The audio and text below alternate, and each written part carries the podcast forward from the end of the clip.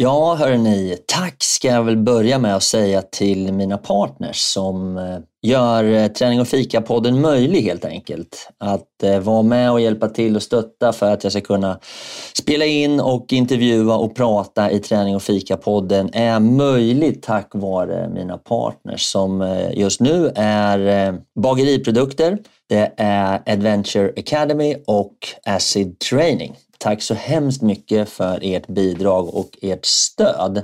Sen kan man ju då som privatperson också gå in och stötta produktionen genom att eh, ge ett litet bidrag på till exempel Patreon. Det uppskattas väldigt mycket. Där kan du välja mellan att köpa en kaffe svart eller lägga lite mer pengar och köpa en kaffelatte och så fortsätta hela vägen upp till en riktigt härlig brunch.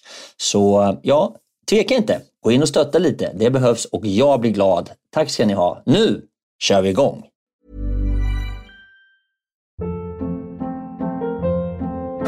Hold up. What was that? Boring. No flavor. That was as bad as those leftovers you ate all week. Kiki Palmer here, and it's time to say hello to something fresh and guilt-free. Hello Fresh. Jazz up dinner with pecan-crusted chicken or garlic butter shrimp scampi. Now that's music to my mouth. Hello Fresh. Let's get this dinner party started. Discover all the delicious possibilities at HelloFresh.com.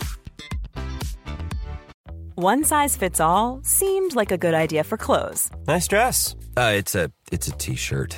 Until you tried it on. Same goes for your health care. That's why United Healthcare offers a variety of flexible, budget friendly coverage for medical, vision, dental, and more. So, whether you're between jobs, coming off a parent's plan, or even missed open enrollment, you can find the plan that fits you best. Find out more about United Healthcare coverage at uh1.com. That's uh1.com. Hiring for your small business? If you're not looking for professionals on LinkedIn, you're looking in the wrong place. That's like looking for your car keys in a fish tank. LinkedIn helps you hire professionals you can't find anywhere else, even those who aren't actively searching for a new job but might be open to the perfect role. In a given month, over 70% of LinkedIn users don't even visit other leading job sites. So start looking in the right place. With LinkedIn, you can hire professionals like a professional. Post your free job on linkedin.com slash people today. Ja, så ringde jag min brorsa, så ringde jag tillbaka till Elisabeth och så kollade på en film till och då var klockan så här, ah, nio. Då hade jag kollat på två filmer, pratat med hela släkten och det var fortfarande ljust och jag låg i tältet och hade käkat. Alltså du vet, jag gick ut och borstade tänderna. Oh, det var helt sjukt. Tänk vad släkten tänkte då. De Ska bara, vi stå ut med det här i 28 dagar?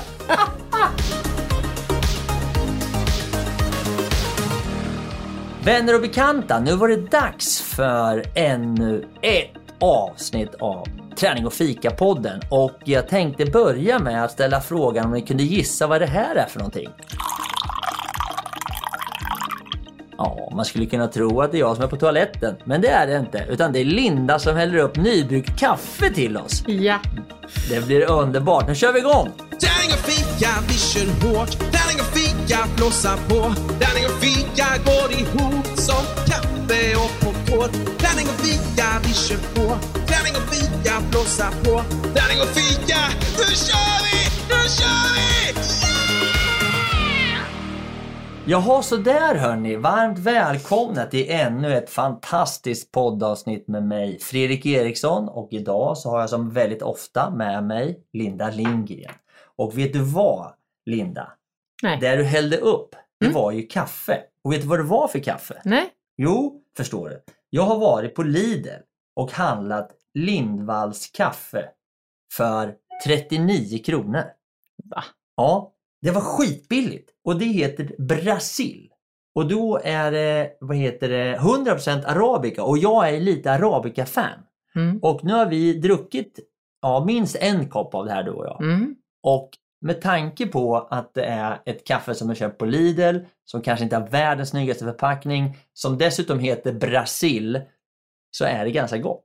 Ja, det var jättegott. Eller hur? Faktiskt. Ja, Ja. verkligen. Ja, det var gott. Och vad är det för kaffe du brukar dricka? Jag brukar dricka Mollbergs blandning. ja, det är bra. Och idag så har vi dessutom nybakta bullar med oss. ja. Och de bullarna kommer från världens bästa bageriprodukter. Och de är så goda, eller hur? Ja. Alltså de är fett goda! Det är farligt med Ja, bullar. och så gör de här smala, det är så många lin, eller vad kallas det, lager eller så här. Den, den väger ju skitmycket. Mm. Och så är det massor med kanel och, och, och, och sån här strössel också. Det heter inte strössel, det heter ju Pärlsocker. pärlsocker. Och så är den så här tjock och rund. Mm. Det, jag älskar den. Mm. Eller hur? Ja, bullar är ju gott. Det är farligt alltså. Ja, det är en del Det- av livet. Ja. Ja, det är härligt. Hörru du, men förutom eh, kaffe från Lidl och bullar från bageriprodukter så har vi ju med oss Rune Larsson idag. Ja. Han är ju en idol. Han är inte bara en idol, han är ju en legend. En legend-idol. Ja. Eller hur? Ja, verkligen. Han, ja. Jag tänkte prata med Rune om det här med att jag alltid käkar eh, blodpudding inför Vasaloppet. Mm. Jag måste fråga honom liksom hur han, för det är han som inspirerar mig till det. Mm. Men jag har aldrig pratat med honom om liksom egentligen om man fortfarande gör det, eh, eh, hur ofta om man kör långpass eller så långa äventyr, hur, om man käkar det varje, varje morgon. För det kan bli rätt eh, tråkigt att käka blodpudding varenda morgon tänkte jag. ja. Det är ju inte så gott, men det är ganska... Jag, jag kan äta blodpudding också. Jag käkar ju blodpudding på morgonen en gång per år. Och det är innan Vasaloppet Det är på morgonen innan Vasaloppet Mm. ja. Och, men jag skulle inte vilja käka det till frukost så ofta. Nej. Men det ska i alla fall bli väldigt spännande att, att prata med Rune och höra hur, vad han tycker och, och tänker och känner. Och han har ju gjort väldigt mycket tokiga saker som är kul att prata Mm. om. Men vi ska ju faktiskt också prata en hel del om, om mina grejer idag. Ja men precis, alltså jag vart ju lite så nyfiken på, när vi pratade i förra avsnittet pratade vi lite eh, rullskidor. Ja, Så att då tyckte jag att vi kunde prata lite om dig och dina rullskidor ja, idag. mig och mina rullskidor som är en förlängning av min fot, är det så du menar? Ja precis. Ja, ja nej, men eh, då ska vi, idag ska vi prata lite grann om det äventyr som jag gjorde när jag tog mig på rullskidor genom Sverige. Mm. Som aldrig har gjorts förut. Nej. Så jag åkte ju från Smygehuk till, till Kares, eller från Karesuando till Smygehuk 2020, 2020 va? Mm. Ja. ja, men då tar vi och kickar igång det så får vi Ja. se vart det leder oss. Ja. Förhoppningsvis ner till Smygehuk då. Ja, vi hoppas det.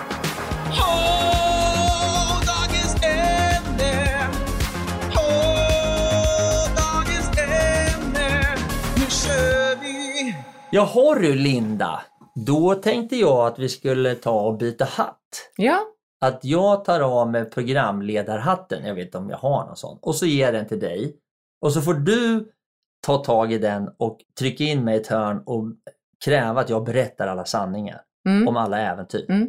vi ska väl se om det går då. Ja, Att ta av dig den hatten, Ja, men menar det- jag då. ja, eller hjälmen. vi kan väl prova. Ja, Ja. precis. Eller hjälmen. Då Det gör vi. Då Ja, kör men vi kör. Det, men jag tror, du, jag tror i inledningen så sa du att du gjorde ett eh, eh, rullskidor-äventyr 2020. Mm. Men jag tror faktiskt att det var 2019. Ja, det tror faktiskt jag också när jag tänker efter. För du var ute samtidigt som jag var på Gotland och sprang, vet Ja. jag. Just det. Jag tror faktiskt att det var 2019. Ja. Så att... Eh, Och det har vi ju pratat om Ja, i ett poddavsnitt tidigare. precis. Så att idag tänkte vi att vi skulle prata om eh, vem du är och vad du gör för äventyr. För du gör ju faktiskt eh, väldigt mycket äventyr. Ja. Eh, men kanske inte vi har pratat om det här. Och då tycker jag att det var dags. Det var vi. på tiden. Det är på tiden. Ja. Så att vad gjorde du eh, 2019 egentligen? Ja men e- egentligen så var det, om man ska backa bandet lite grann så Mm. är det så att jag har ju då startat Årets Äventyr. Jag har ett stipendium som heter Årets Äventyrare. Det delar ut pengar till människor som, som eh, har en dröm och vill göra någonting så man kan söka pengar, 50 000 kronor. Jag har då haft Årets Äventyrare som jag delat ut sedan 2005. Där bland annat då Rune Larsson har fått pris för Årets Äventyrare av mig och tidningen Outside för mot människor som har gjort fantastiska saker. Mm. Och sen har jag då startat Adventure Academy 2011 där jag då utbildar människor för att kunna genomföra sitt drömäventyr. Bland annat du har gått den Mhm. utbildningen. Och det är också fantastiskt. Men min egen del har ju handlat mest om den fysiska utmaningen, inte kanske så mycket äventyret. Jag har på mycket med fotboll och sport och, och varit liksom en träningsnisse och sett mig mer som att jag vill vara i fysisk form än att göra saker för upplevelsens skull. Mycket tävling, mycket så här, ö till ö, triathlon, Åre Extreme Challenge och sådana här saker. Mm. Kanske inte bara ge mig ut för att uppleva någonting som jag inte gjort förut. Och utifrån det perspektivet så kan man väl tycka så här, ja, vart finns utmaningen i det då? Och till slut så var det så att jag, jag har sprungit ganska många maraton, Boston, Chicago, New York har jag sprungit, jag har sprungit i Europa massa för, eh, maraton så här. och då blir det ganska lätt att man blir prestationsinriktad. Vilket gör att man, kan jag tycka i viss del, förlorar glädjen Mm. om man inte presterar. Då blir man, ja, men det känns inget bra tycker jag då. Och, och sen fick jag ont i ett knä och då liksom, så insåg jag liksom att jag kanske ska göra lite andra saker. Där jag får tillbaks lite grann av glädjen men jag kan fortfarande se det som en utmaning, någonting att träna för. Och då gick jag ganska länge och funderade på vad jag skulle vilja göra. Mm. Det var en lång resa för att komma fram till att jag så småningom då kom, fram, kom, kom på att jag skulle vilja se om det överhuvudtaget var möjligt att åka rullskidor genom Sverige. Mm. Och för att göra det på mitt sätt så vill jag ju då ha med mig sovsäck, liggunderlag och tält. I och med att vi har allemansrätten i Sverige så tänkte jag att ja, men då ska jag också både åka rullskidor, sova ute i det fria och uppleva Sverige. Så där någonstans så kom liksom det här projektet igång. Och det tog nog ja, ett och ett halvt, två år för mig att planera det. Mm. Och hur många mil är det vi pratar om? Åh herregud! Ungefär. Ja, jag kommer inte ihåg men det tog ju mig 28 dagar och jag åkte i snitt 10 mil per dag så det borde ju bli 260, kanske 280 mil då. Mm. Så lite mer än ett Vasalopp varje dag. Jag åkte ett Vasalopp per dag ja, Mm. i, i 28 dagar och jag startade uppe i norr och åkte söderut. Mm. Och då så säger alla, ja men det är såklart, det är nedförsbacke. Fattar du hur trött jag är på den Det är kommentaren? aldrig nedförsbacke. Det finns inga nedförsbackar. Ja, men det är så säga. roligt. Och det, alltså på riktigt, jag får den kommentaren hela tiden. Ja, jag, jag, jag vet precis Ja. lite hur det är. Ja. Nej, men så jag, jag, det var ju fantastiskt. Och det var ju jätte, jättejobbigt och eh, det var ju en, det var en underbar resa på många sätt. Jag var ute i 28 dagar och det regnade 20 dagar. Mm. Vilket då betydde såklart att jag of- väldigt ofta gick och la mig dyngsur. Och försökte få skor och sulor och strumpor att torka i min sovsäck. Men kommer du ihåg vad, vad, vad var de största liksom, utmaningarna tyckte du? Alltså vad, vad var du mest rädd för? Eller vad ska man säga? Vad, vad var din, eh, de största utmaningarna med det här? Att, liksom, för då hade du egentligen inte, då har ju du gjort massa prestationer men inte kanske varit på äventyr. Så jag tänker om jag bara utgår från mig själv, att vara själv eller att, att hålla igång i 28 dagar eller vad, vad var den största kände du sådär om du kunde rangordna dem? Ja, men det var många saker som Mm. jag var väldigt fundersam till och som många i min omgivning var mycket fundersamma till. En sak var det här med att åka, åka 10 mil eller 9 mil ena dagen och sen göra det dagen efter och så fortsätta så här utifrån ett energiperspektiv. Liksom. Att om man tittar på hur mycket mat som går åt, hur mycket energi som går åt för att prestera så här, prestera ett Vasalopp. Så, och då kan man ju, det finns ju väldigt mycket uträkningar kring hur mycket energi som behövs för att åka ett Vasalopp. Och, då, och så drar man det 28 gånger. Mm. Så där var jag ganska orolig för hur jag skulle klara av och liksom få i mig tillräckligt mycket mat och energi och dryck och sådana saker under, alltså under lång tid.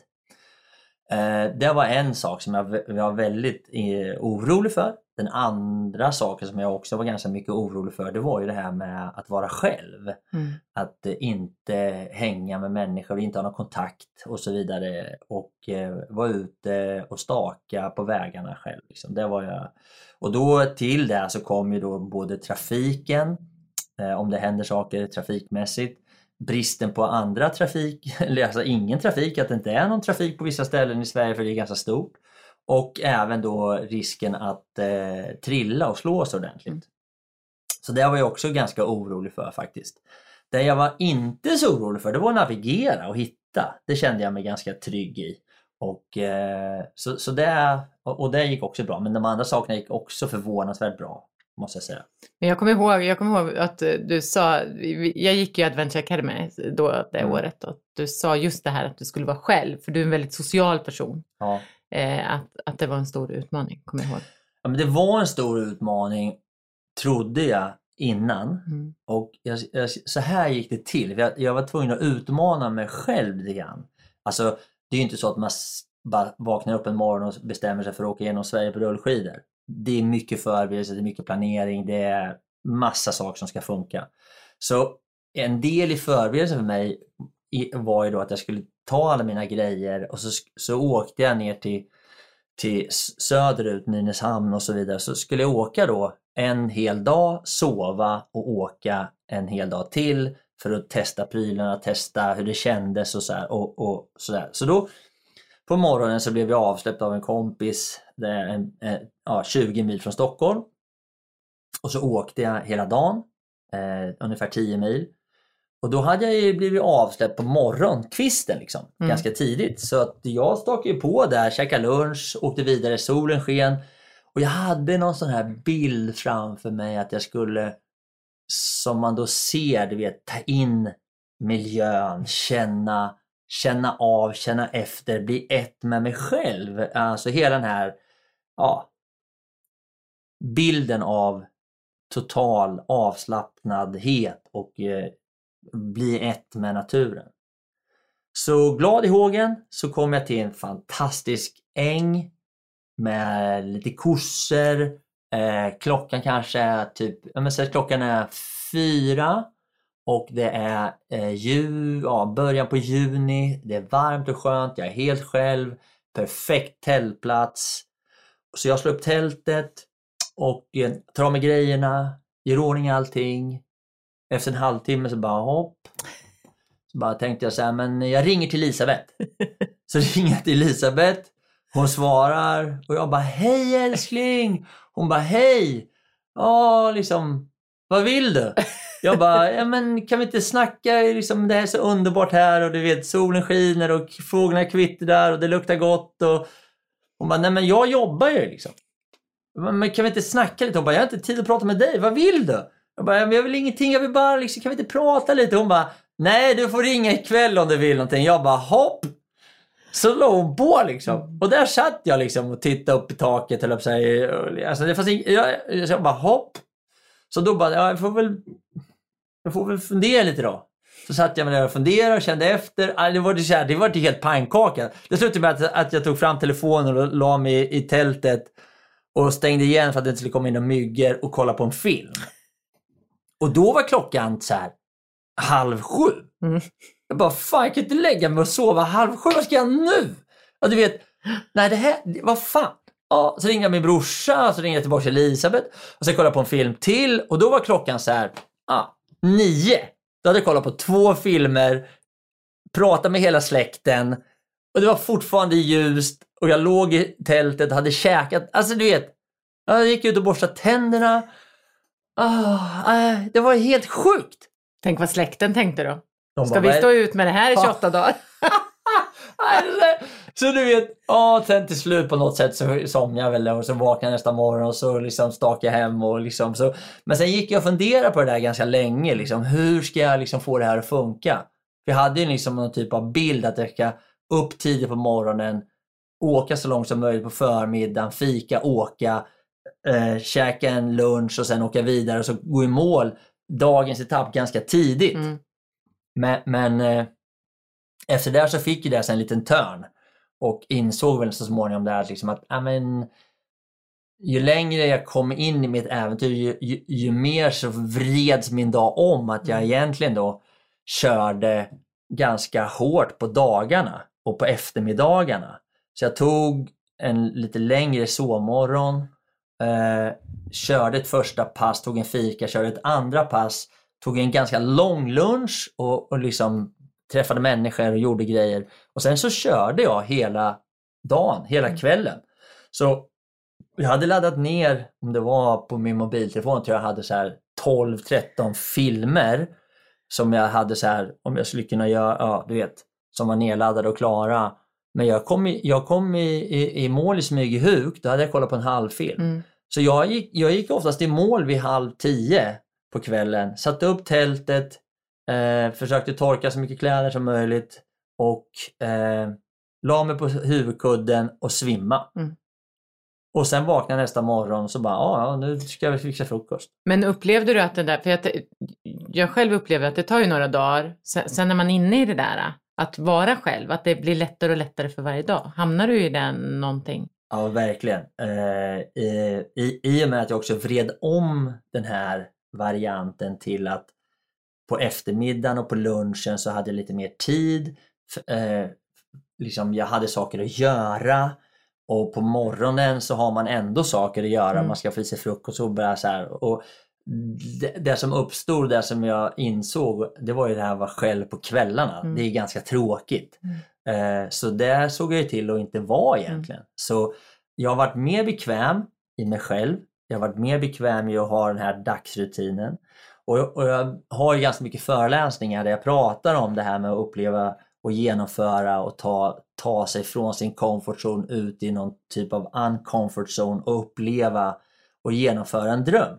Och i, den, i samband med att jag pratar om det här och, och också då gjorde det, just det här äventyret så brukar jag prata om det här med att komma in i flow. Mm. Att, att hamna i, ett, i en situation som man brukar kalla för att hamna i zonen. Mm. Att vara i zonen.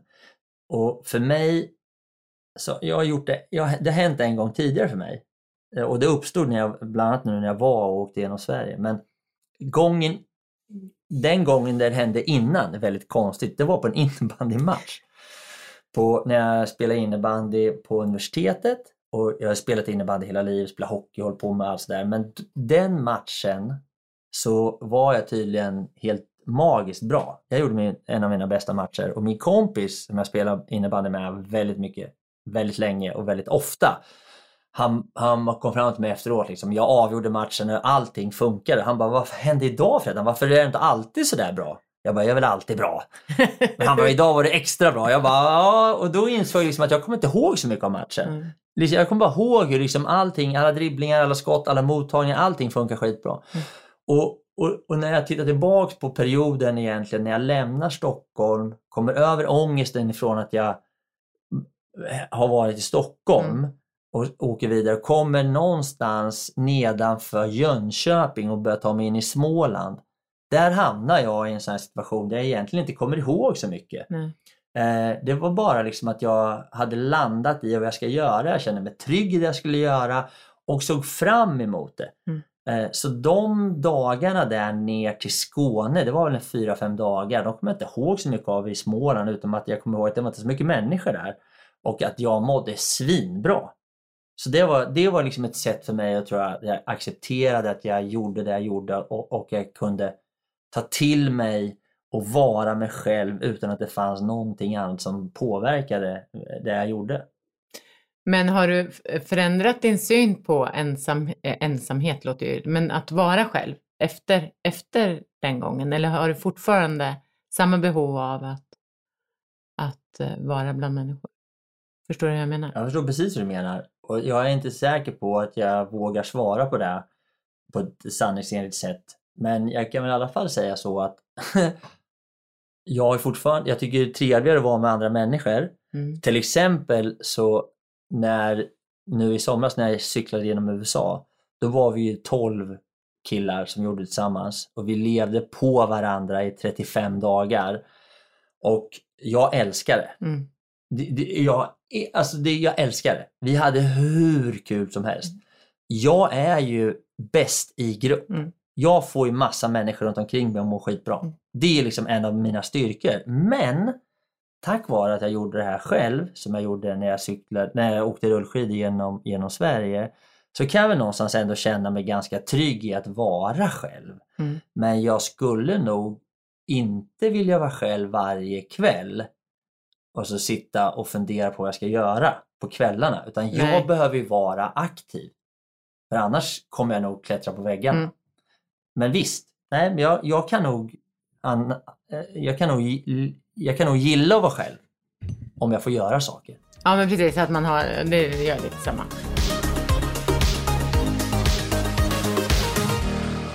Ja men vad kul, men du åkte ju alla de här milen mm. eh, genom hela Sverige och ja. upplevde och eh, men hur, hur är det att åka rullskidor i liksom trafiken, på asfalt, jag tänker på vägarbete. Jag tänkte, jag har ju sprungit med vagn, det är ju inget mot och då är man beroende av att vägen finns där, men inte så mycket annat. Men rullskidor måste vara helt annat.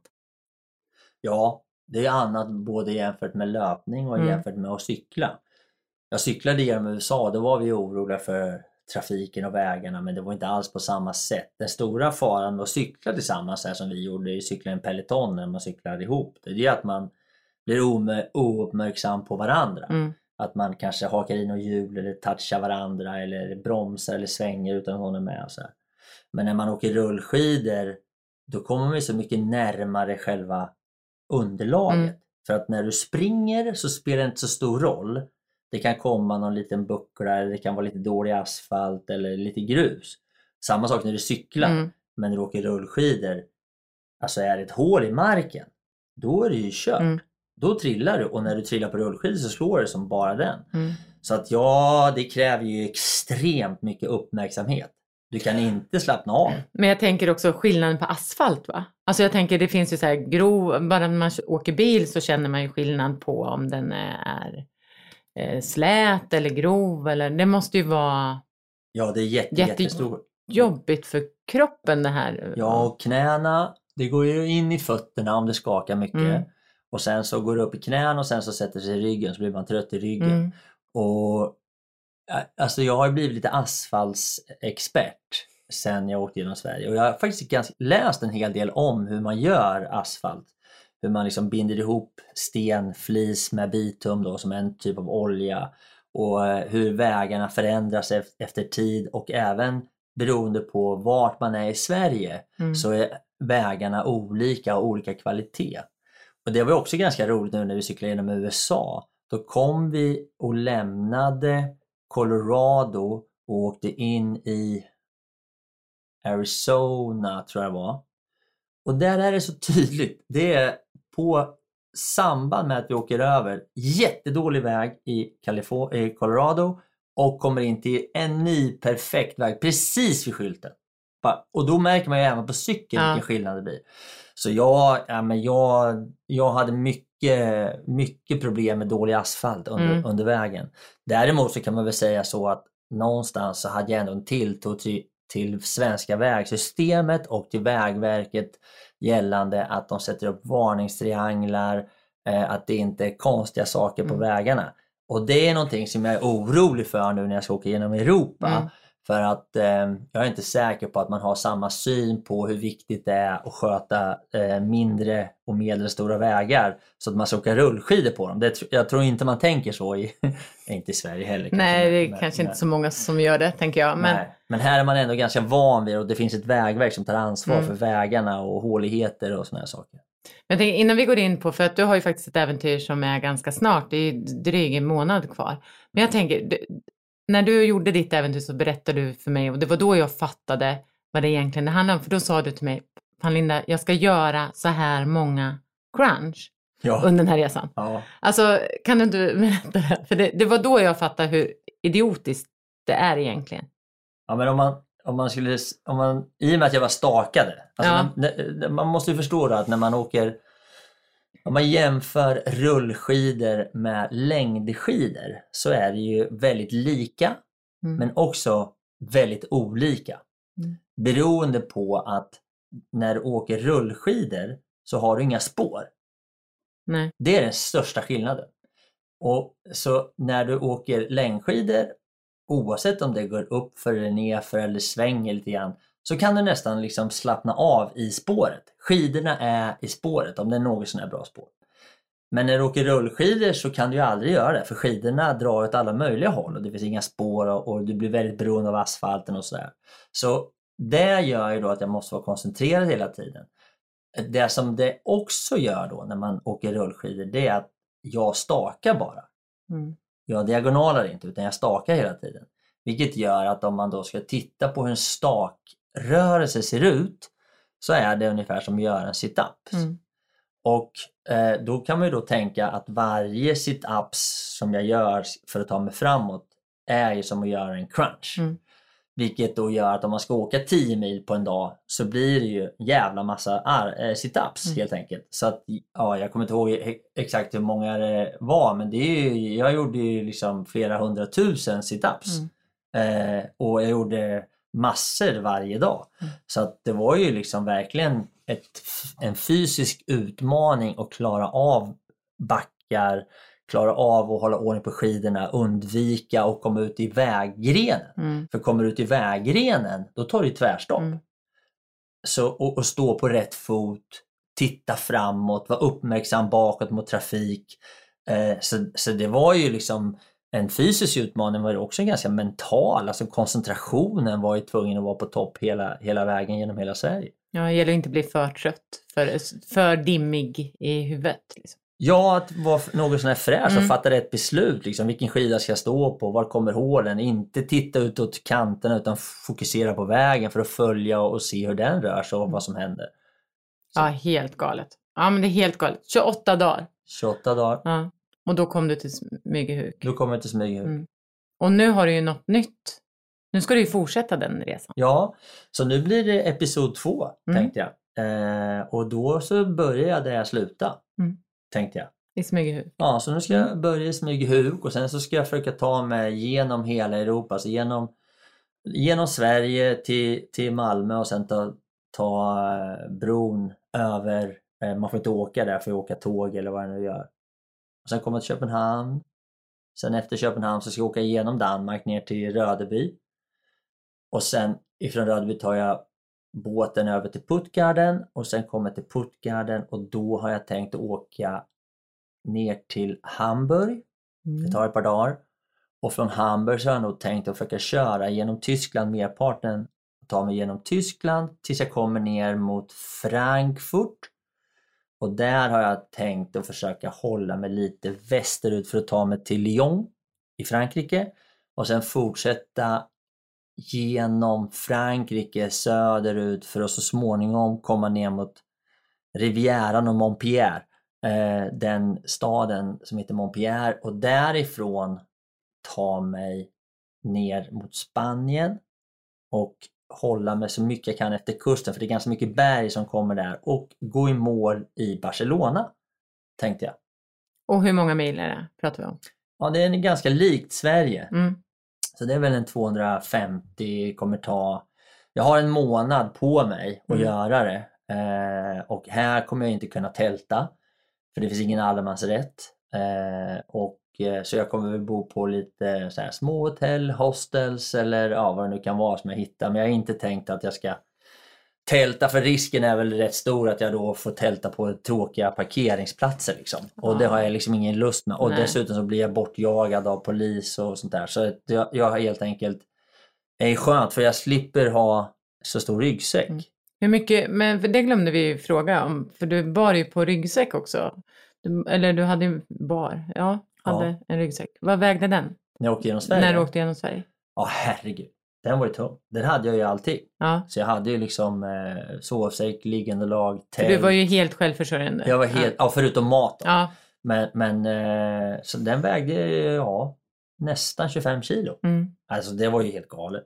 25 kilo är svinmycket. det är Och dessutom stakande vilket gör så när man stakar med ryggsäck så blir det en konstig stakrörelse. Så det var rätt slitigt. Mm. Alltså jag vet jag hade skor och kläder och det mesta var blött och ah, Ja, och sen när man, jag tänker när man, vi, ram, vi pratade i förra avsnittet att du ramlar så, man blir så, lite som en katapult när man har en ryggsäck på ryggen. Ryggsäcken kommer alltid först. Ja, eller jag vet inte vad som kom först men det, man blir inte så rörlig i alla Nej, fall. Det ska nej. gudarna veta. Och det var ju otympligt och har den väl börjat röra på sig så rör ju den på sig. Mm. Liksom. Så ja, nej det var, det var, det var tufft. Nu, men jag kommer ha ryggsäck nu också. Mm. Men då slipper jag ju se de här, de här grejerna. Och sen förhoppningsvis så behöver jag inte med mig riktigt lika mycket varm jacka, varm tröja, sådana här Mm. saker som jag var tvungen att ha med mig nu för att det Mm. var liksom kallt och, och regnigt och blåsigt och sådär. Mm. Så förhoppningsvis peppa peppa då lite, lite bättre varmare väder och lite mindre ryggsäck. Ska bli jättespännande. Den 29 maj startar du. Ja, den 29 maj startar jag. Spännande. Ja, och då kan man... Eh, jag kommer att producera en ny film, The Mm. Road Ahead Episod 2. Och eh, jag har med mig eh, Ola, jag har med mig Gunnar och jag har med mig Johan. Som då, Gunnar kommer vara med till Köpenhamn. Ola kommer komma ner och säga hej i Frankfurt. Och Ola, Johan kommer komma i målet. Då. Så tre, eh, de är med någon dag och så kommer de filma lite grann så Mm. blir det en, en ny film, vilket ska bli kul. Men merparten är jag ju naturligtvis själv då, Mm. såklart. Men, men eh, jag får lite hjälp med filmning. Och dessutom så kan ju de ta med lite nya kläder. Så Ja, det- jag luktar inte så jävla gott efter ett tag kan jag säga. Nej, det gör man inte. Så- Det hör till. Ja, när vi cyklade genom USA då tvättade vi ju kläderna varje kväll. Liksom. Mm. Och då hade vi bara cykelkläder på oss. Jag Mm. har ju liksom andra kläder. Jag har ju inte såna här, jag har ju vanliga kläder. Mm. Alltså shorts och fjällrävengrejer och sånt där. Så, så jag använder såna och de är inte lika lätta att få torrt. Nej. Så vi får se, men förhoppningsvis så kan jag i alla fall byta ut lite kläder. Vet du vad som hände då när jag körde genom Sverige? Nej. Då kom jag ju då, kom jag ju då Peter Rosenqvist kom ju upp och åkte med mig ner till Falun. Och, och, och Mattias också. Nerför. Det var bara nerför hela vägen. Ja, precis, det var bara nerför.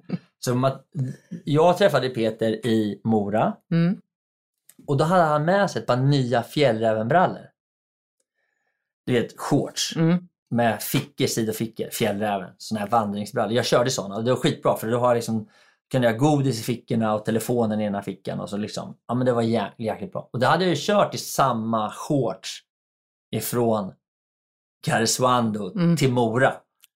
Det var, de var inte svinfräscha. De stod själva. Nej, men de var ju rätt äckliga. Och då så får jag ett par nya fina shorts. Så jag liksom, du vet, Mm. Lycka. Ja, jag bara kände. Och så tar jag på mig dem och så åker vi från Mora ner till Falun. Och där går ju min sko sönder. Ja, just det. Så jag trillar. Mm. Och jag trillar så mycket så de här nya shortsen, Går sönder. de är, de är, de är så sönderrivna så de går inte att ha på sig.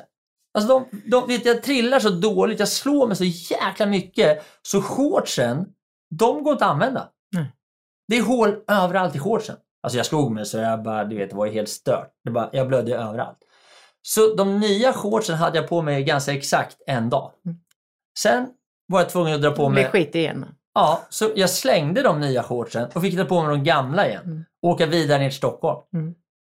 Ja, herregud. Ja, ja vad roligt. Vi ska ju plocka in Rune också, så vi skulle kunna sitta här hela dagen och prata om det här. Ja. Eh, men vi ska ju plocka in Rune, Ja, för att han har ju gjort väldigt mycket skojiga saker. det ska bli jättekul att prata med honom Ja, också. det ska bli spännande att se om jag får någon syl i vädret med er två. Det får du förmodligen inte. Antagligen inte.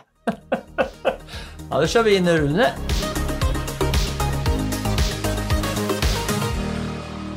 Ja, så där hörni. Då har ju jag fått tag och fått med mig Rune Larsson. Och anledningen till det är ju såklart att jag ska ge mig på mitt eget äventyr och ta mig på rullskidor genom Europa.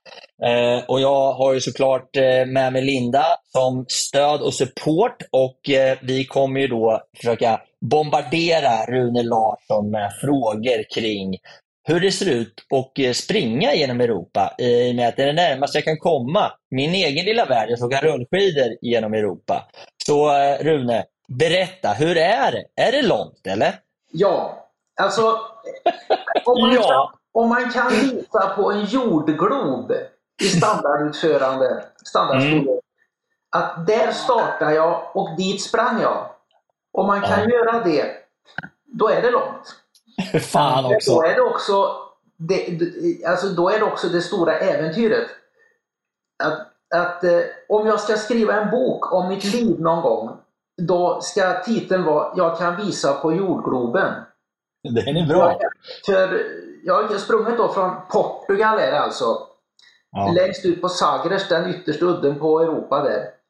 Eh, Algarvekusten, Spanien, Frankrike och så hem till Trollhättan. Hur många länder sprang du igenom? Portugal, Spanien, Frankrike, Belgien, Nederländerna, Tyskland, Danmark, Sverige. Det blev ju några stycken. Ja, åtta va? Åtta länder. Hur lång tid tog det? Eh, tio veckor. Men du gjorde det med en tjejkompis va? Det var meningen att jag skulle göra det med min fru också. Jaha. Eh, för att hon är ju minst lika mycket löpare som jag. Men i januari så var hon tvungen att i en hast operera menisken. Eller, eller då hon skadade menisken så illa så att hon inte borde kunde springa.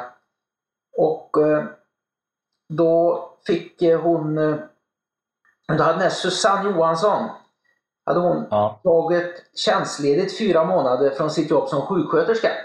Och eh, då kunde man inte bara säga att vi får göra det nästa år. Det var det Susanne och jag. Sen kom Mary, när vi kom till Belgien, då anslöt hon. Så sprang hon med oss till Neumünster i norra Tyskland. Men där fick vi veta att hennes då 91-åriga mamma var ytterst dålig. Så det var till att Skickade hem Mary till Trollhättan och så flög hon över då och eh, ja, mamman han gå hädan innan hon kom fram. Men så fick jag, så fortsatte jag med Susanne hela vägen. Och när jag kom hem där, fanns ingen där. Eh, upp, ingen mötte mig, ingenting. Det var helt underbart. Inget medieuppbåd, ingenting. Utan jag kom och såg att gräset var väldigt långt. Gräsmannen hade inte blivit klippt på ett tag så jag plockade fram gräsklipparen och klippte gräset innan jag gick in i huset. Underbart. Du, Rune, får jag, Ja. får jag fråga, Rune, hur, hur mycket sprang ni varje dag? Då sprang vi ungefär, jag tror vi snittade ungefär 55 kilometer om dagen. Ja, mm. som turister. När jag sprang tvärs över USA 2004, då snittade jag 64 kilometer om dagen. Ja. Eh, men då var det, det är långt.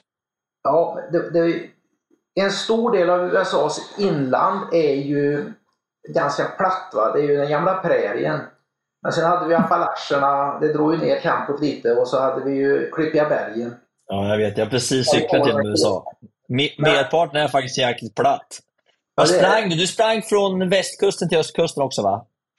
Ja, det, det är Ja. så man ska springa. Alltså när man ska göra sånt här äventyr, då ska man helst försöka lista ut vilken är den dominerande vindriktningen.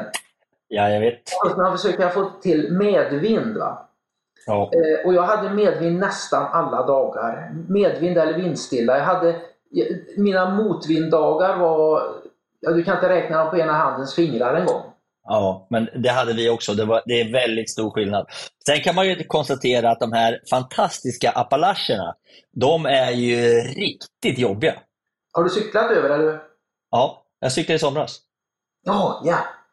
Appalacherna är värre än Klippiga bergen. Mycket värre. Det går inte ja. ens att förstå. Nej.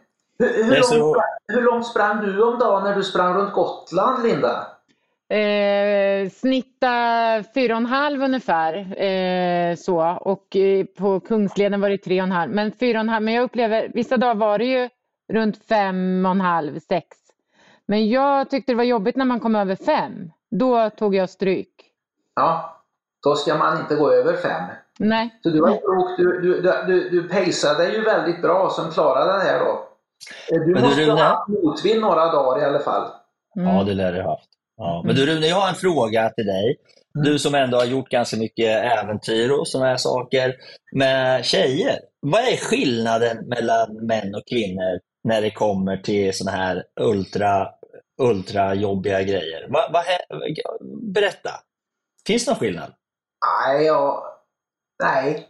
Det, jag tror egentligen att den krymper med distansen. Faktiskt. Eh, jag vet eh, Susanne, och Mm. även när jag varit ute och sprungit med Mary, så vi blir jämn, jämnslitna, jämntrötta. Det är inte det att jag kan springa i cirklar runt Mary när vi gör sånt där litet privat äventyr, eller jag kunde springa i cirklar runt Susanne. Utan Det är Ja. precis samma. det finns förmodligen att, att en fördel att vara man och icke minst då av rent trygghetsskäl om du ska vara ute ensam och göra ett sånt här äventyr.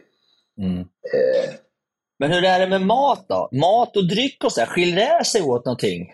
Du är ofta, man är ofta större som man, så man borde ju kanske bränna mer så här, och behöva äta mer. Men ja, jag vägde ju 25 kilo, nästan, ja, vägde jag 25 kilo mer än, än Susanne och 27 kilo mer än min fru. det är klart Ja. att, att eh, det går ju åt mer energi till en man då. Ja. Men eh, ja, det, det var, tänkte man inte på. Som tur är så jag vet att det var en eh, kvinna som skulle segla jorden runt med en man som hon inte hade en relation med från början. Hon hoppades att få det, sa hon. Under, Mm. hon, hon sa det att eftersom jag väger mindre än du kommer jag äta mindre än du. Och dessutom är jag vegetarian, sa hon. Så att därför ska inte jag behöva betala lika mycket för maten på vårt gemensamma matkonto. Det, där, det där är ingen bra start. Början på en äventyrarrelation. Nej, fy fan. Vad Susanne och jag gjorde, Ja. och det var någonting som jag tror var väldigt bra. Vi startade ett gemensamt bankkonto Ja. och satte i 30 000 kronor var på det. Och så hade vi varsitt eh, bankkort knutet, debetkort knutet till det. Och mi- allt, minsta lilla Coca-Cola vi drack, minsta lilla lunch vi åt, så tog vi bara på det. Och sen så var det inget tjafs om att du, du tog en dyrare dricka än jag. Va? Utan Nej, sånt tjafs. Och vi fick pengar över och vi delade lika mellan oss sen. Så Men du, vad åt ni för någonting då? Hur såg en dag ut när ni tog er upp här? eh, Liksom efter ett tag så kom man in i någon typ av lunk. Hur såg den lunken ut egentligen? Eh, man försökte gärna äta på restaurang, helst en gång om dagen. Och eh, det var bra för psyket, om inte annat. Eh, och då fick jag veta det. Jag, jag, ingen av oss kunde någon spanska, ingen kunde någon franska. Jag kunde faktiskt för lite tyska. Men den i Spanien, då visste jag en rätt och det var patata frita. Så man kom in och så där, um, frågade du speak English? Nej. kunde ingen. En, eh, eh, eh, patata frita och fick mig på med fritt. Och till slut tröttnade man på med fritt så träffade vi ett engelskt par som hade bosatt sig där nere i Andalusiens bergstrakter. Då, när vi sprang. Då klagade vi på att det blir bara patata frita. Men då ska ni ta en menu de dias. Ah, perfekt! Så nästa kom vi till en by som heter Almonaster i alla fall. Otroligt vacker by uppe i bergen. Eh, un menu de dias, por favor. Dagens meny. Och fick vi på patata frita. Fast de har ju patata fritta, den är inte riktigt som oftast i Sverige. Utan det här är potatis som är friterad, som är skuren och kokt innan. Det är inte pommes frites som vi har här på McDonalds, utan det är faktiskt lite godare. Nej, det är inget dipp i ketchup här där ute. Nej. Men, man du, var i Frankrike, ja. Men hur- det- vad hände då? Ni var en, jag måste bara grotta ner det här lite grann. Ni, ni hade en, en måltid på restaurang ju nu. Vad, resten då? Frukost och fikor och kaffe och sådana saker. Hur fick ni till allt sånt där? ja, vi försökte också sova på anständiga logi, eller billiga logi, Mm. alltså billiga hotell. Och det var rätt billigt där nere. Kanske 300-400 kronor, 500 kronor för en natt. Det får man säga, det är det värt när du varit ute och sprungit en hel dag. Var det inte svårt att hitta sådana här ställen? Jo, eh, men så var det Kristina Broman hette hon. Eh, hon är spanska lärare och löpare och eh, hon var med när vi startade alltså där nere och frågade hur ber man om ett hotell? Och då gav, lärde hon mig där, eh, Hotell in Ciudad om det var i en eh, stad. Och in Pueblo och så man fråga hotell Economico. Så det har Kristina Broman som då var spanska lärare på den tiden. Eh, det, det, det var hennes bidrag till att vi eh, Hitta boende. slapp sova under bar himmel. Men du, jag undrar ju, för jag kommer ju ungefär åka ett Vasalopp om dagen, ungefär 10, mellan 8 och 10 mil per dag på rullskidor.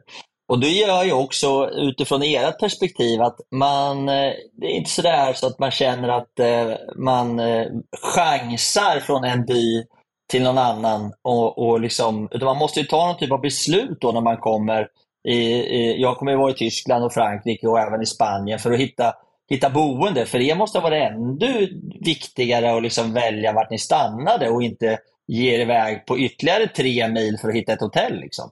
Hur Ja. resonerar ni där? Nej, och det var samma när jag sprang över USA. Ja. Ännu mer när jag sprang över USA.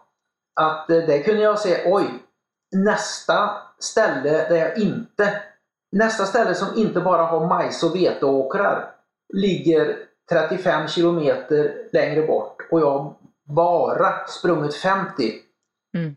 Och då fick man göra ett övervägande. Ska jag få en 85 kilometers dag eller ska jag gå i bas redan här? Va? För här finns det mot ett eh, billigt logi. Men sen vet jag inte vad som finns i nästa by som ligger 35 kilometer bort. Och det var ju sådana beslut man hela tiden fick ta. Så att Mm. man fick ju, det, gick ju inte att eh, Man kan ju inte chansa liksom. chansa utan man, man körde det säkert istället. Ja. Eh, Man är ju inte ute för att slå något rekord för det skulle ju liksom förta nöjet med den här äventyrsturismen. ja. Eh, Det gjorde ju Susanne och jag också då. Eh, Vi sov ungefär hälften av alla nätter lyckades vi sova på någon form av logi. Det kunde vara bed and breakfast.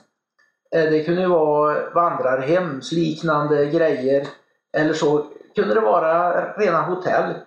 Och Mm. hälften av nätterna fick vi då köra det som på engelska kallas för stealth camping. Att man då, stealth betyder osynlig. Att man smög in. Du, alltså, allemansrätt är ju, vi blev ju bortjagade i Frankrike, Susanne och jag. ja. Här sla, slagit upp tältet. Spretigt, gult, va- vanvårdat gräs. Men det... Jag har, inte, jag har inte med mig något tält. Jag har inte tänkt att tälta, utan det finns ju ingen allemansrätt. Och I och med att jag kommer ju behöva söka mig till cykelvägar och allmänna vägar och bilvägar så känner jag ju inte riktigt att jag vill försöka smyga in någonstans. Utan jag kommer förmodligen i så fall skulle jag hamna på tråkiga parkeringsplatser ute i vägen och det har jag ingen lust med. Så jag måste ju hitta någonstans någon typ av boende. Då är frågan, eh, jag vet ju ännu inte var du ska köra. Ska du köra från vart då till vart då? Jag, jag startade i Smygehuk där jag slutade när jag åkte genom Sverige. Sen tar jag mig upp eh, till Danmark, eh, genom Köpenhamn och sen ner till Rödeby, Puttgarden, till Hamburg och sen kommer jag åka rakt söderut har jag tänkt, genom Tyskland för att komma ner till Frankfurt. Och sen kryssa lite västerut in i Frankrike till Lyon, Metz och sen hålla mig för, förhoppningsvis eh, där det är så platt som möjligt efter floder och sånt för att inte behöva komma upp i berg. För det går ju liksom inte att bromsa på rullskidor. Jag är väldigt eh, rädd för, för eh, vägar och dåliga vägar. Man slår sig fördärvad om man trillar på rullskidor. Så, och sen ner till, egentligen till Montpellier och sen ut efter spanska kusten ner till Barcelona. Så där går jag i mål. Och du ska ha ryggsäck på ryggen då? Ja, jag kommer behöva ha med, ja, tippa 15 kilo på ryggen med lite kamerautrustning och eh, kläder och eh, extra hjul och såna här saker. Så det blir ju... Ja. Det blir ju ett herrejösses-äventyr. Ja. Då är det bara att gratulera dig för att eh, det blir ett jäsikens... Alltså, eh, jag har intervjuat för min podd, men den är ännu inte publicerad. Den här eh, Cecilia till Sjuntorp-paret som startade nere på Sicilien och gick i mål i Sjuntorp alldeles en mil söder om där jag nu sitter i Trollhättan. Jaha, Eh, vad kul. och eh, de hade ju sprungit då med en sån här babyjogger eller en Thulevagn eller vad de hade. Mm, som du Och- brukar ha. Mm. Och eh, de hade ju, de, de hade ju i- klarat sig väldigt bra undan mycket trafik. De sa att det här Adriatiska havet, kusten, östkusten på hela italienska stövelskaftet där, det var ju bara som att springa på en nedlagd järn, asfalterad järnväg med kaféer var femte minut. Är det sant?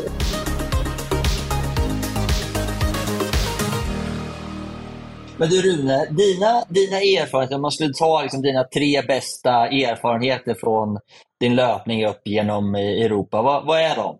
Den bästa erfarenheten var alla skratt vi hade. Jag skrattade mig tillsammans med Susanne genom hela Europa. Jag har aldrig skrattat så mycket kontinuerligt. Vi hade så roligt. Ja. Det är nummer ett. Eh, nummer två är hur ofattbart vackert Spaniens inland är. Mm. Och där skulle inte jag åka rullskidor så jag talar om. Nej, det har jag inte tänkt heller. Då får jag ha, uppfinna bromsen på rullskidorna först. Ja. Eh, en annan sån här erfarenhet var Frankrikes landsbygd. ja. Tyckte jag också väldigt bra om. Vad kul! Det ser jag verkligen fram emot. Alla småvägar. För den boken Susanne och jag skrev heter ju Löparäventyret på småvägar genom Europa. Ja. Så vi lyckas ju hålla oss på all, det som skulle varit en grusväg eller byväg här, det var asfalterat. Allt var asfalterat inom Frankrike. Bra. Hur var asfalten? Jättefin. För jag är mest orolig för det här Rune, det är för hål och vägbyggen. Och som, I Sverige så sätter man ju upp en, en varningstriangel och skylt och sådär. Hur, hur, hur funkar det där borta? Gräver de utan att skylta på det eller? Nej, jag tror, det har jag inget minne av. Det behövde Ja. man ju som löpare inte bry sig om så mycket. Nej. För mig är det livsviktigt. Ja, men eh, jag ser att Frankrike, då, småvägarna genom... Nederländerna var helt magiskt för att ta sig fram. Ja. Eh, Fland, flamska delen, Flanderdelen av Belgien, jättefin. Vallonien, uh, hjälp! Är det sant? Usch. Ja, där Ja. var det trångt på vägarna och Ja. Det- Alltså, det är en väldig skillnad i Belgien mellan Vallonien och eh, Flandern. Ja. Så Flandern, jag ska inte ta mig dit. Jag, jag, ska undvika, eh, jag ska undvika det här. Det är mycket mer backigt och stökigt överhuvudtaget än man tror där. Så jag försöker hålla, hålla mig genom Tyskland och ta mig den vägen och, och hålla, hålla tummarna att det är ordnung och eh, bra eh, vägar och så vidare. Så att, ja. Men du, det var ju fantastiskt. Du var väldigt, väldigt nöjd med ditt Europa-äventyr med andra ord. Ja, jag ska säga att bland de... Jag pratade med Susanne om det. Jag sa efteråt att det var de tio bästa veckorna i mitt liv. Eh, och eh, hade Mary, min fru, fått vara med hela tiden, då hade det varit ännu bättre naturligtvis. Men jag har aldrig sett så mycket natursköna miljöer som genom Spanien och även sydvästra Tyskland, eller förlåt mig, eh, Frankrike. Mycket vackert. Fantastiskt fint alltså.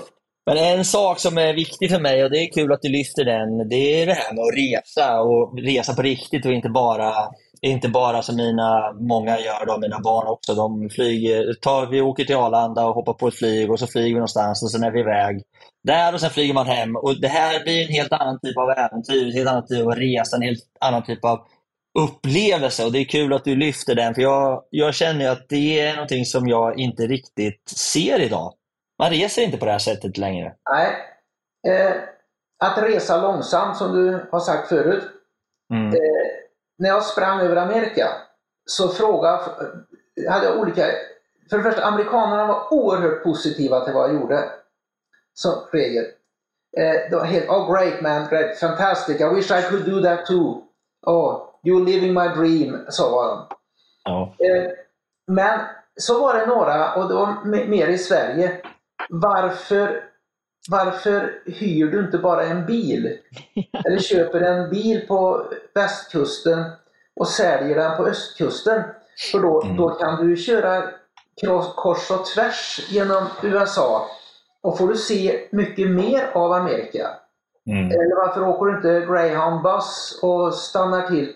Men det är inte alls samma sak utan tänk dig alltså att jag har känt den amerikanska kontinenten under mina fötter, tagit vartenda steg. Startat ute i Stilla havet och gick mål ute i Atlanten.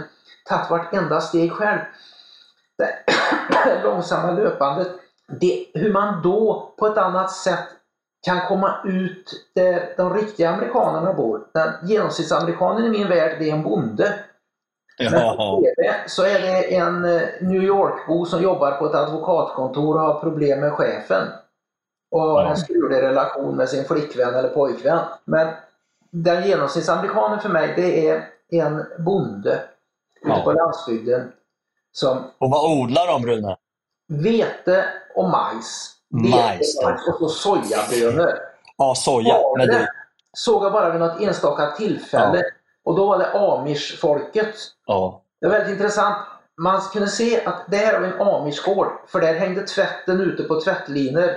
ja, det var så konstigt. De är, de är, ja, men det är så konstigt med dem när man träffar dem. Vi träffar ju också dem nu när vi var genom USA. Man blir helt förvånad hur de bara kan vara så frånkopplade från allting och tycka att livet är toppen. Det är ganska coolt. Men vad körde, varifrån cyklade, när du cyklade över Amerika, varifrån till vart?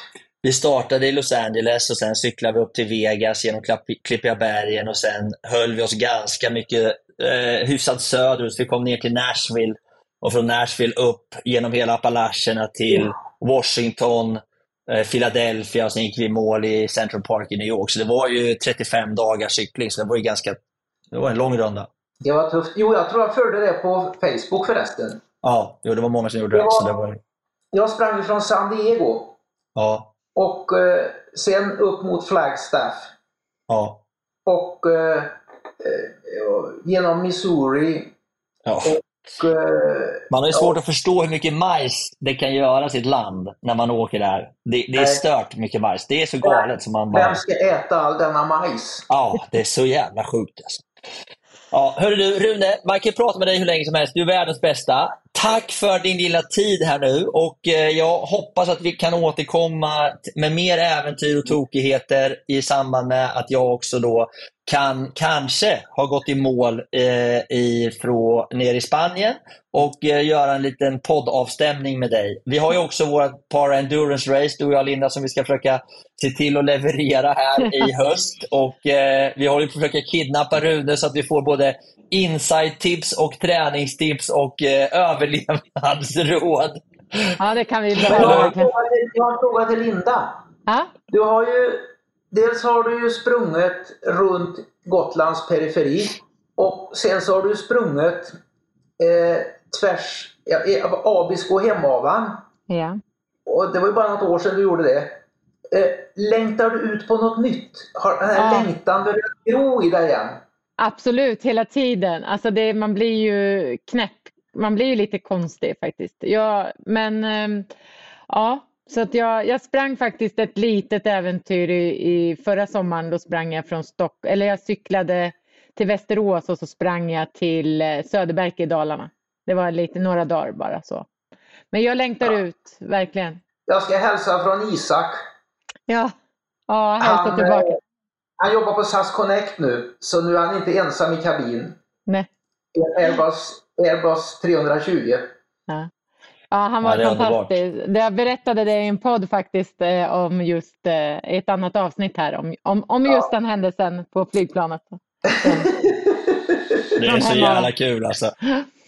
Det, hörni, då ska vi ta och tacka för oss den här gången. Stort tack Rune Larsson. Tack Rune. Vi ses, vi ses snart igen. Lycka till till er båda! Ja, Tack. tackar, tackar. Storytime med Fredrik. Jaha hörni, då var det dags att köra ett litet storytime. Det är ju delen där jag får chansen eller möjligheten eller tar mig chansen att dra en riktig rövarhistoria. Och eh, merparten av det är ofta sant, men en del kan ju vara lite skarvat och draget och utvecklat och sådär. Men det är ju så som det är i livet. Idag tänkte jag ta tillfället i akt och berätta om en väldigt, väldigt, väldigt god vän som eh, har, då hade han tillbringade ett år i eh, Brighton och pluggade och studerade på universitetet där och så var jag där och hälsade på och det var skittrevligt och, och han hade dessutom ett gäng rätt sköna polare, den här polaren, som var rätt glad i att dricka bira och sådär. Så Eh, ibland brukar jag fråga liksom, vad de gjorde och så här, och inte någon ja, trän och så här, som jag tyckte var kul och så här. Men nej, det var inte så mycket sånt. Det var mest skola, och plugg och bärs och fest och sådär. Och i England är de ju jävligt bra på att dricka bira. Så, eh, sen var det då, fick jag höra, eh, pa- St. Patrick's Day. Då hade de ju hoppat in i en bil och åkt hela vägen upp dit, eh, om det var till Edinburgh tror jag, och eh, kört på som fasiken och hade haft skitkul. Och jag liksom, du vet, ja, men hur, hur var det? Vad gjorde du liksom? Det är en sån här ganska känd eh, parad och sådär, så jag hade, liksom hade väl fått för mig att man skulle ja, men upptäcka Edinburgh och titta lite grann på hur det såg ut och, och även titta på den här paraden och sådär, liksom hade jag tänkt. Men nej, Ja, men vadå, hur var, hur var paraden? Var den var det? Liksom? Nej, sa han. Liksom, det var... Nej, jag, jag bara, vad menar du? Liksom, såg du inte paraden? Han bara, nej, nej, jag såg faktiskt inte paraden. Jag bara, men vad, vad fan gjorde ni? Jag var ju där i två dagar. Liksom. Vad gjorde ni då? Nej, men du vet, vi, vi hittade en jäkligt härlig pub där ganska direkt. Så, så vi, eh, vi hängde in där. Så jag bara, vadå, var den där? Ja, men du vet, de hade en ganska rolig grej också. Där, så man kunde liksom om man drack 12 Guinness pints före 12 på kvällen. Han bara, ja men du vet, 12 before 12. Jag bara, 12 Guinness pints före, de stänger pubarna klockan 12. Jag bara, jaha, det lät ju mycket. Han bara, ja men du vet, då fick man en t-shirt, sa han. Jaha, sa jag. En t-shirt? Så om du drack 12 stora Guinness innan 12 på kvällen, då fick du en Guinness-tröja. En pint. En tröja sån här. Ja, sa han. Jaha, hur gick det då? Så jag tänkte. Han bara, åh för fan, jag har två t-shirts nu.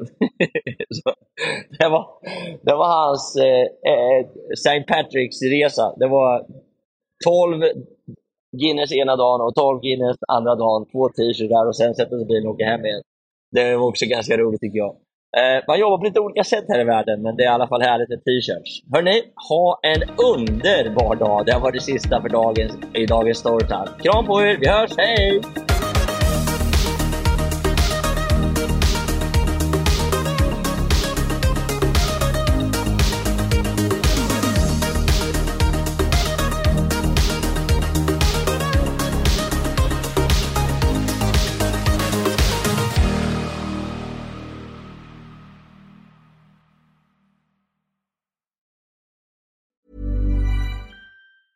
Hey, it's Danny Pellegrino from Everything Iconic. Ready to upgrade your style game without blowing your budget? Check out Quince. They've got all the good stuff shirts and polos, activewear, and fine leather goods, all at 50 to 80% less than other high end brands. And the best part? They're all about safe, ethical, and responsible manufacturing. Get that luxury vibe without the luxury price tag. Hit up quince.com slash upgrade for free shipping and 365 day returns on your next order. That's quince.com slash upgrade. Hey, it's Paige DeSorbo from Giggly Squad. High quality fashion without the price tag. Say hello to Quince. I'm snagging high-end essentials like cozy cashmere sweaters, sleek leather jackets, fine jewelry, and so much more. With Quince being 50 to 80% less than similar brands. And they partner with factories that prioritize safe, ethical, and responsible manufacturing. I love that. Luxury quality within reach. Go to quince.com slash style to get free shipping and 365-day returns on your next order. quince.com slash style.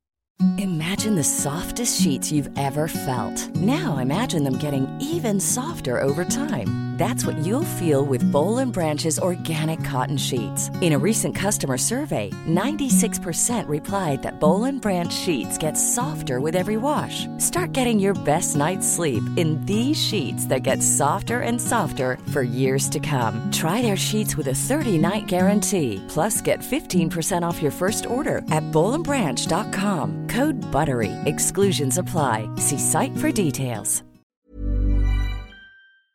Det var allt för den här gången hörrni och jag tänkte avsluta lite kort med att återigen tacka mina fantastiska partners och sponsorer som är Bageriprodukter, Acid Training och Adventure Academy. Och eh, återigen, har du en krona över eller är helt enkelt sugen på att bjuda på en kaffekopp så gå in på min Patreon och eh, köp en kaffe, en kaffelatte eller en hel brunch så kan jag fortsätta spela in podden, producera nya härliga avsnitt och eh, fortsätta att underhålla dig. Hoppas du har haft en fin lyssning och att vi snart hörs igen. Tack så mycket. Hej då!